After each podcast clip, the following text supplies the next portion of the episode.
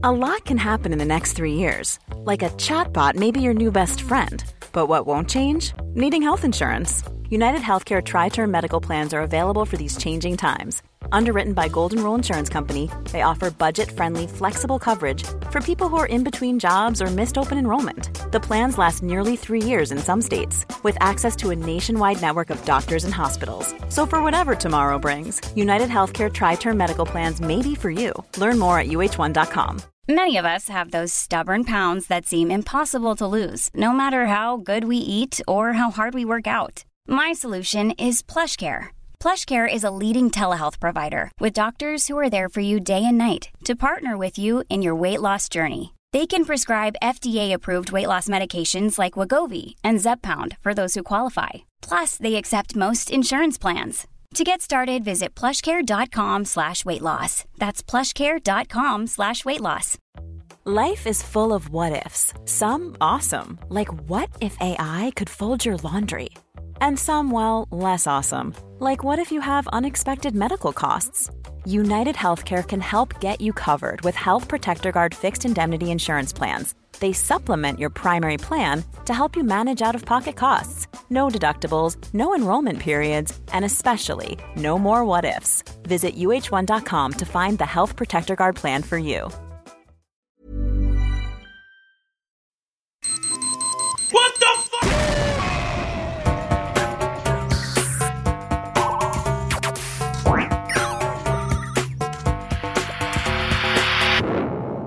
Velkommen til Sinnsyn. Jeg heter Sondre Risom Livre, jeg er psykolog, og dette er Webpsykologens podkast. Hverdagspsykologi for fagfolk og folk flest.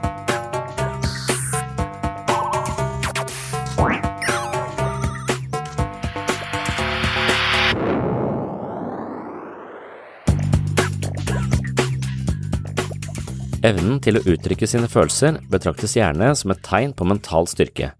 Men det er forskjell på å uttrykke følelser og bli emosjonell. Når vi blir emosjonelle, overveldes vi av følelser, og sjansen for at vi handler overilt er mye større. Følelser er en viktig del av vårt psykologiske liv, men når de overstyrer alle andre prosesser, havner vi i følelsenes vold, og det er sjelden bra. Sinne er blant de følelsene som kan være vanskelig å uttrykke på en adekvat måte. For noen er sinne en følelse som får overtaket og ansporer til en form for utagering man angrer på i etterkant. Dersom vi klarer å uttrykke sinne uten å bli overvelda, kan det være en god måte å sette grenser på eller markere seg. Jeg innleder dagens episode med et klipp hvor Harald Eia mister hodet, selv om jeg mistenker at han overveldes av raseri med vilje. En helgen er en person som har pekt på Gud på en spesiell måte i livet sitt. Hva betyr det?! Hva betyr det?! Betyr at pek på en spesiell pek Sånn, sånn, sånn. Jeg skjønner ingenting av det. Jeg eh, var altså i Israel sammen med mine døtre i påsken, og da hadde datteren min med seg denne boka her, KRLE-boka, i 10. klasse, for hun skulle ha tentamen, så hun holdt på å lese den. Og så sa hun til meg pappa, jeg, skjønner ikke hva som står her. Og så sa jeg få se på den boka, skal jeg forklare for deg. Og så Den er altså så vanskelig og krøkkete og dårlig skrevet. Jeg har ikke opplevd maken. For eksempel, eh, dette her handler om eh, katolske kirke. Romerriket. Romerriket er et av historiens mektigste imperier. Greit. Da Jesus ble født, het keiseren Augustus. ok? Det var keiser Nero som hersket da Paulus reiste rundt på sine misjonsreiser. Nå er det plutselig snakk om Nero. Romerriket var delt inn i landområder eller provinser. Nå handler det plutselig om landområder eller provinser. Fylker og kommuner, hva er det med saken å gjøre? Romerne hadde steinsatt noen veier rundt i det mektige riket sitt. Hadde de steinsatt Hadde de steinsatt noen veier? Paulus snakket og skrev gresk. Ja, selvfølgelig. Alle snakket og skrev gresk! Tydeligvis! Hvorfor kommer det inn i bildet? Alle disse forholdene gjorde det mulig for Paulus å reise rundt om Alle disse! Altså Nero, Augustus, steinsatt Jeg forstår ingenting!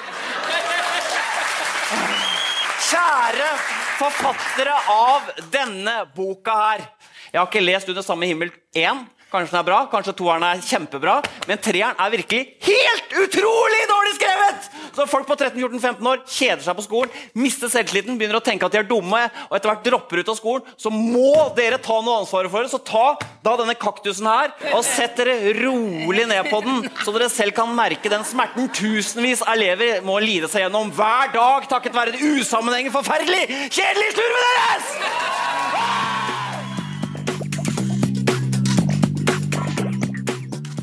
Store deler av psykologien anbefaler oss å uttrykke våre følelser.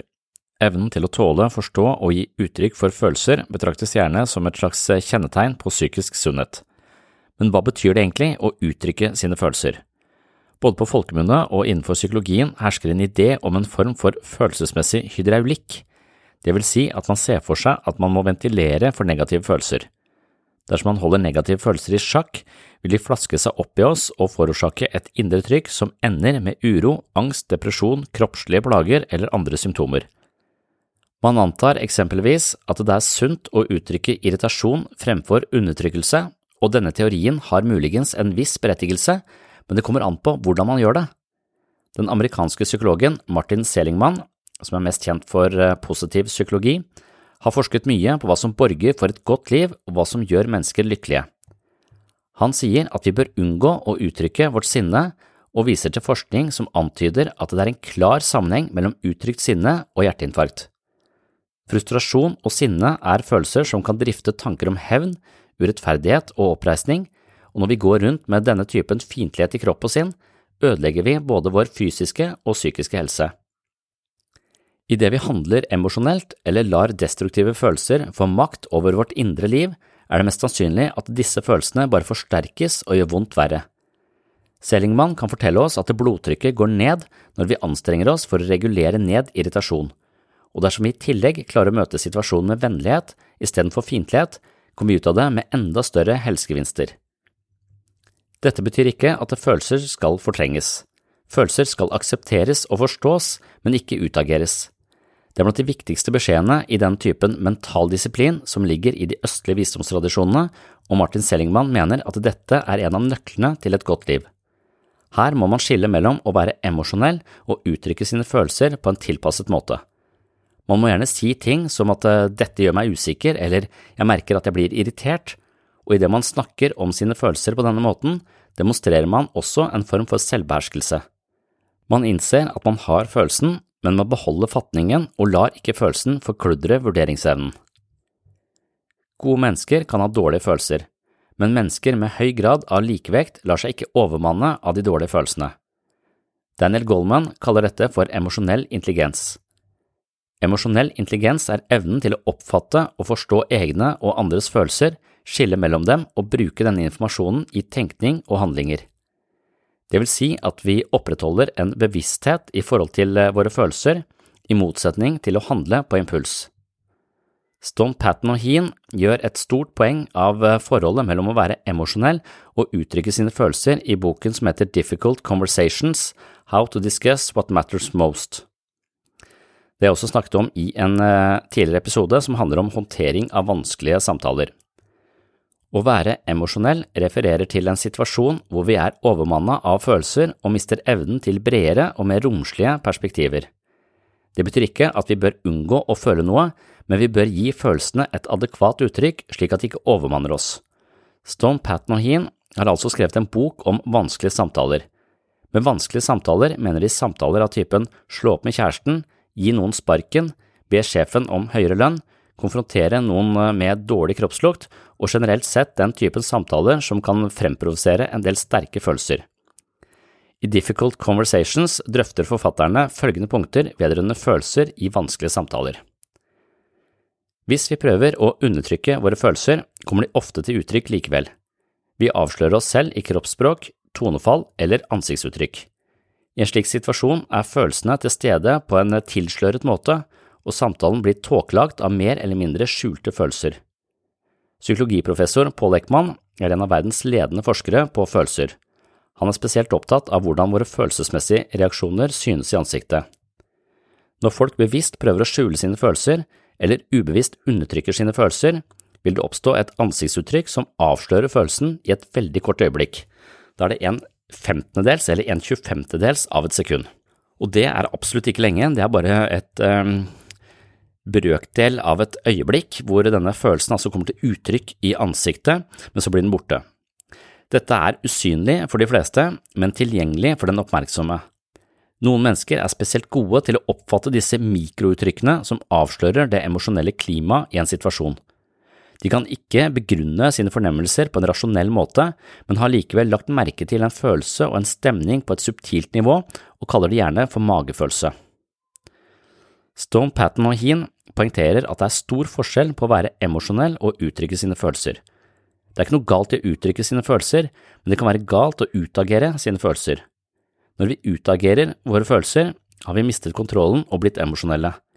Det vil ofte skje dersom vi unnlater å uttrykke våre følelser over lengre tid, slik at det hoper seg opp som et eh, indre følelsesmessig trykk. Vi må gjerne si at vi blir eh, såret eller sinte, men uttrykke det på en måte som gjør det klart at dette er min følelse, og ikke nødvendigvis en dom over den andre. Forfatterne av Difficult Conversations anbefaler oss å starte flere setninger med jeg føler, spesielt i de vanskelige samtalene. Det får motparten til å lytte, samtidig som det demper opplevelsen av samtalen som et angrep eller en trussel mot eh, partenes egenverdi. Vi bør ikke undergrave følelsene våre. De er ekte, og vi bør ta hensyn til dem, men ikke utagere dem. Følelser reflekterer ikke virkeligheten, men de har gjerne et budskap som vi bør ta med i beregningene våre. Vi kan huske på at gode mennesker kan ha dårlige følelser. Dersom vi undertrykker de negative følelsene fordi de er sosialt uakseptable, skamfulle eller virker skremmende, risikerer vi å leve på falske premisser. I boken Difficult Conversations hevder forfatterne at det er viktig å erkjenne motstridende følelser. Stone Patten og Heen påpeker at vi kan sabotere våre relasjoner dersom vi undergraver egne følelser. Dersom man eksempelvis fornekter irritasjon eller misnøye overfor sin ektefelle, kan man ikke elske den andre på en genuin måte før irritasjonen er tematisert og bearbeida. Ved å avvise en del av våre følelser havner vi i et uavklart forhold til vårt indre liv, og vi blir tiltagende opptatt av å opprettholde en fasade i frykt for at de undertrykte følelsene skal komme til overflaten. På denne måten lyver vi for oss selv om vårt indre liv, og det gir grobunn for lav selvfølelse og usikkerhet. På et eller annet nivå vet vi at vi ikke er oppriktige, men inntar en bestemt rolle, og denne stilltiende erkjennelsen viser oss at vi i bunn og grunn ikke kan stole på oss selv. Disse aspektene kan forkludre en relasjon og gjøre den vanskelige samtalen enda mer belastende og skremmende. Nå skal du få høre en liten vignett fra et foredrag jeg holdt rundt eh, denne tematikken. Det skal handle om eh, følelser og hvordan vi håndterer de, og forholdet mellom å håndtere følelsene på en god måte og det å miste besinnelsen og overveldes av eh, følelser.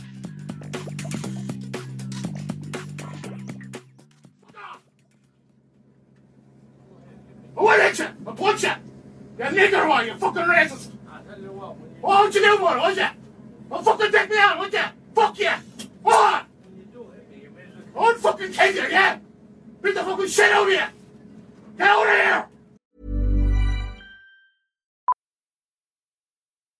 Millions of people have lost weight with personalized plans from Noom, like Evan, who can't stand salads and still lost 50 pounds. Salads, generally, for most people, are the easy button, right? For me, that wasn't an option. I never really was a salad guy. That's just not who I am. But Noom worked for me. Get your personalized plan today at Noom.com. Real Noom user compensated to provide their story. In four weeks, the typical Noom user can expect to lose one to two pounds per week. Individual results may vary. One size fits all seemed like a good idea for clothes Nice dress. Uh, it's a it's a t-shirt. until you tried it on. Same goes for your healthcare. That's why United Healthcare offers a variety of flexible, budget friendly coverage for medical, vision, dental, and more. So, whether you're between jobs, coming off a parent's plan, or even missed open enrollment, you can find the plan that fits you best. Find out more about United Healthcare coverage at uh1.com. That's uh1.com. When you're ready to pop the question, the last thing you want to do is second guess the ring. At Bluenile.com, you can design a one of a kind ring with the ease and convenience of shopping online. Choose your diamond and setting. When you find the one, you'll get it delivered right to your door. Go to Bluenile.com and use promo code LISTEN to get $50 off your purchase of $500 or more. That's code LISTEN at Bluenile.com for $50 off your purchase. Bluenile.com code LISTEN.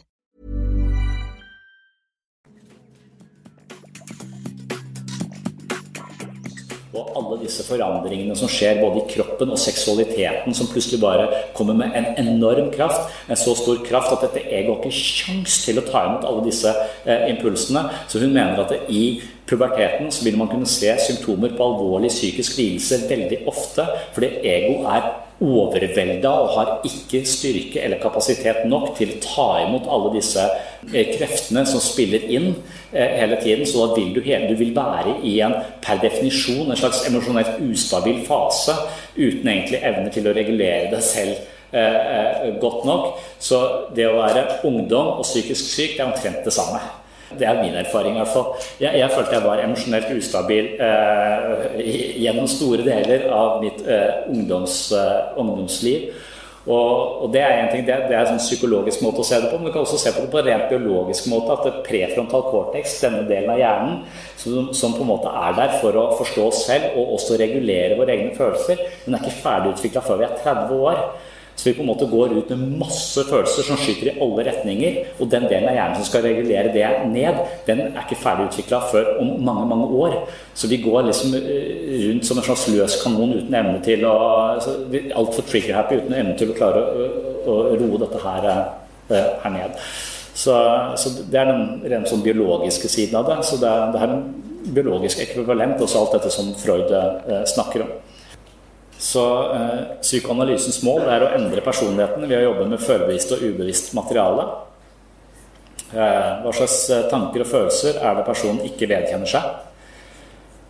Personen skal kunne håndtere dette på en åpen og moden uh, måte. Så er det fri assosiasjon, drømmetydning, eventyr. Det å lodde dybden i, i, seg selv som er, uh, er, metoden. Så en del, av, en del, av, de menneskene jeg møter, de, de kan jo være utflytende og vulgære og ikke ha grenser. Men de kan også ha for mange grenser og være på en måte mer sånn nevrotisk uh, fanget. Altså, og, og, mange mangler denne selvhevdelsen. De har blitt mobba, blitt plassert, blitt på en måte undertrykt på sett og vis og har ikke noen følelse av at deres stemme har noen rett eller bærer noe, har noe tyngde i det hele tatt. Så, og alle kraftige følelser oppleves som eventuelt som farlige og forbudte. Så hvis du lar alle disse farlige og forbudte følelsene bli undertrykt, så vil du som jeg sa, oppleve kanskje både angst og, og depresjon. Eh, og, og, da jeg, og, da, skjer det også ting, ting, i terapi som Frøyd har beskrevet, en sånn type overføring. Jeg kan sitte og snakke med et menneske som sier 'jeg er aldri sint'. Og så forteller hun historier fra livet sitt hvor, eh, hvor hun har måttet ta veldig hensyn til mannen sin for eh, etter fødselen. Eh, hvor hun pressa en fire kilo med kjøtt ut av tissen. Så fikk mannen PTSD, for han syntes det var så traumatisk å se på. Og det Når folk forteller sånne ting og sier, sier Blir du ikke sint? Nei, men han, han har jo sånn sånn, så det, er, det var ikke så lett for han, stakkars. Da, til, da, da, jeg, da, blir jeg veldig aggressiv, og så får jeg lyst til å, å, møte dette mennesket og så presse en fotball opp i tissen på vedkommende. Men, men den aggresjonen er ikke min. altså ifra, når, når, denne, når, dette mennesket ikke er i kontakt med sin egen aggresjon, så vil det ofte det vil være der, vil være undertrykt. Ofte så siver det ut og blir tatt opp av de menneskene rundt. Så jeg blir på en måte uttrykket for hennes aggresjon. Så jeg uttrykker dette ganske tydelig hva jeg syns om denne uh, situasjonen, med en slags aggressiv kraft. Og for meg så er det aggressive det er det motsatte av det depressive. Det å kunne leke og være synlig og kunne si det jeg mener og være uttrykksfull, det gjør at jeg ikke blir deprimert. Mens hun har ingen denne muligheten, for hun syns det er forbudt. Nei, jeg må ikke si sånn, kan ikke si sånn om andre. Så hun er på en måte undertrykt, og hun sliter med depresjon. Og da er jeg usikker på når vi i terapi da så overføres disse aggresjonene til meg. Jeg får uttrykt det, for jeg har uttrykksevnen. Jeg bruker språket til å uttrykke det, og så er jeg på en måte litt ferdig med det. Og da vet jeg ikke om hun kanskje vikarierende kan la meg være et slags uh, utløp for egen aggresjon, men hun er nødt til å overta dette her på egen hånd for å ikke fortsette å være, uh, være deprimert. Hun må finne et språk, hun må kanalisere denne, uh, denne aggresjonen sin på en, på en, god måte. Og da jobber man i overføring. altså den, denne, dette mennesket, denne pasienten, den vil ikke eh, ta ansvar for egen aggresjon, men har kanskje en tendens til å gjøre de menneskene rundt seg til sånne støttespillere som blir eh, aktivister på hennes vegne. Eh, så mens hun slipper å være sint på mannen, så er alle andre sint på mannen, så slipper hun. For det er for skremmende for henne å være sint på den mannen, for hun føler seg avhengig av han også. Eh, så, så, det er den der, den der, problematikken som barna har, at jeg er sint på foreldrene mine, og jeg hater dem fordi jeg er avhengig av dem, som er på denne pubertetsfasen også, som knytter seg til å løsrive seg-problematikken. Eh, så i terapien så skjer ofte disse overføringene hvor, hvor man blir Eh, bærer av andre menneskers eh, ubevisste eh, følelser, og, og, ofte da blir det et uttrykk. Så veldig ofte som jeg kjente Hvorfor føles så veldig sterkt for dette? Her er det du, her er det en følelse du ikke tar ansvar for. La meg gi den et uttrykk for deg, så kan du se om du kan bruke det. Men hvis jeg bare uttrykker det og aldri lærer vedkommende å ta ansvar for disse følelsene, uttrykker de på egen hånd, så tror jeg kanskje at jeg sitter i terapi og blir mindre og mindre depressiv, mens vedkommende fòrer meg med ting som jeg kan bruke på egne antidepressive veier. Eller om jeg da kan lære de å uttrykke dette på, eh, på egen hånd. Overta denne eh, aggresjonen selv. For det er en forbudt og, og vanskelig, vanskelig følelse.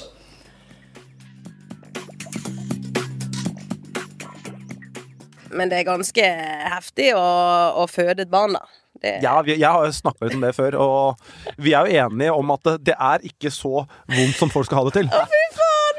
Å, herregud. At du Don't even! Don't even! Altså, go there. Yeah. Go there! Don't you even dare! For jeg hadde en lagkamerat i Godset før, ja, som da mente at det, det, er en eh, konspirasjon mellom alle mødre og døtre om at det, hvor da, på et eller annet tidspunkt, den praten vi tar Hør nå, jenta mi. Eh, vi har en greie. Det er, det er ingen menn som veit om det. Men fødsel er ikke så vondt som folk skal ha det til. Men vi sier det. Alle har spilt ut i alle år, sånn at vi skal få sympati fra menn.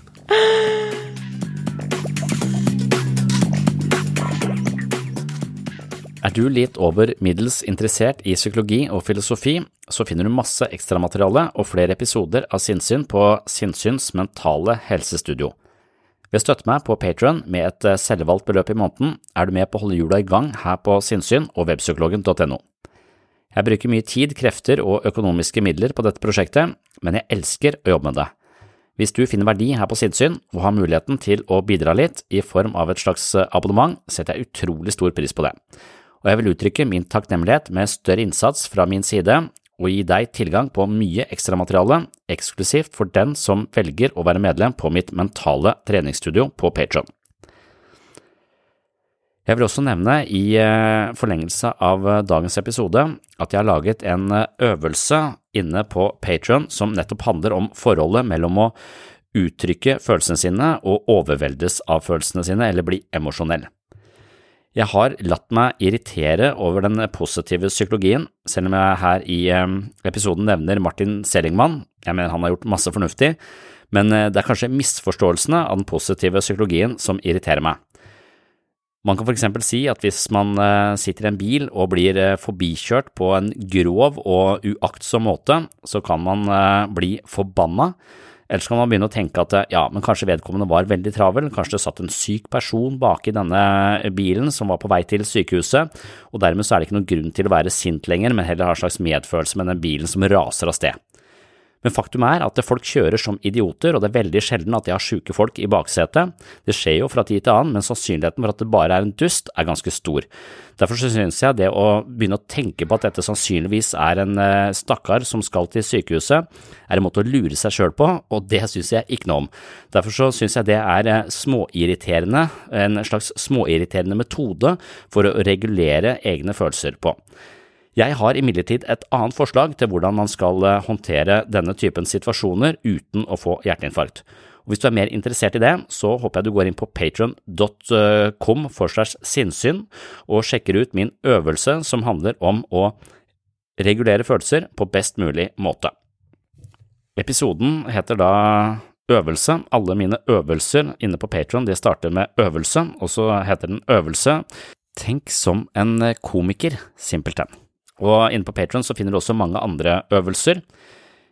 Min eh, hensikt med Patron og min hensikt med å kalle det et mentalt helsestudio, er jo at jeg fra tid til annen der eh, forsøker å poste tips og triks for å sette den psykologiske teorien ut i hverdagslivet. Vi kan ha huet og ræva fullt av innsikt, men hvis vi ikke klarer å bruke denne innsikten i vårt eget liv, så er det jo egentlig fåfengt å ha så mye innsikt. Så jeg er opptatt av at vi klarer å operasjonalisere det vi forstår om vårt indre liv, psykologi og filosofi, sånn at det blir anvendelig og tilgjengelig i hverdagslivet. Så det er eh, en av mine forser da inne på patron.com for segs sinnssyn. Jeg ønsker å lage et mentalt treningsstudio, for jeg tror jo at hjernen vår kan utvikle seg hele tiden, avhengig av hvordan vi bruker den. Og da trenger vi å finne ut av hvordan vi kan løfte mentale vekter for å få litt mer eh, stø kurs i vårt eh, mentale liv og kunne løfte litt tyngre situasjoner. Altså med fysiske vekter kan vi løfte tyngre, flere, flere kilo, med sterke mentale muskler, så kan vi stå støtt i pressa situasjoner. Så det er målet med Patron, og for deg som er eh, over middels interessert, så må du sjekke ut det. Tusen takk til alle dere som allerede har gjort det. Det er en haug av dere som allerede er Patron-supportere, og det setter jeg utrolig stor pris på. Det hjelper meg masse. Det hjelper meg til å prioritere dette prosjektet mye høyere. Det er veldig stimulerende, det er veldig engasjerende. Så tusen hjertelig takk til dere. Til dere som ikke har økonomiske midler til å bidra på Patron, så har jeg full forståelse for det. Dere må bare konsumere episoder her på den åpne podkasten ukentlig, og ja, forhåpentligvis klare å sette den innsikten også ut i hverdagslivet. Det var det jeg hadde for denne gang. Håper du henger med i neste episode. På gjenhør!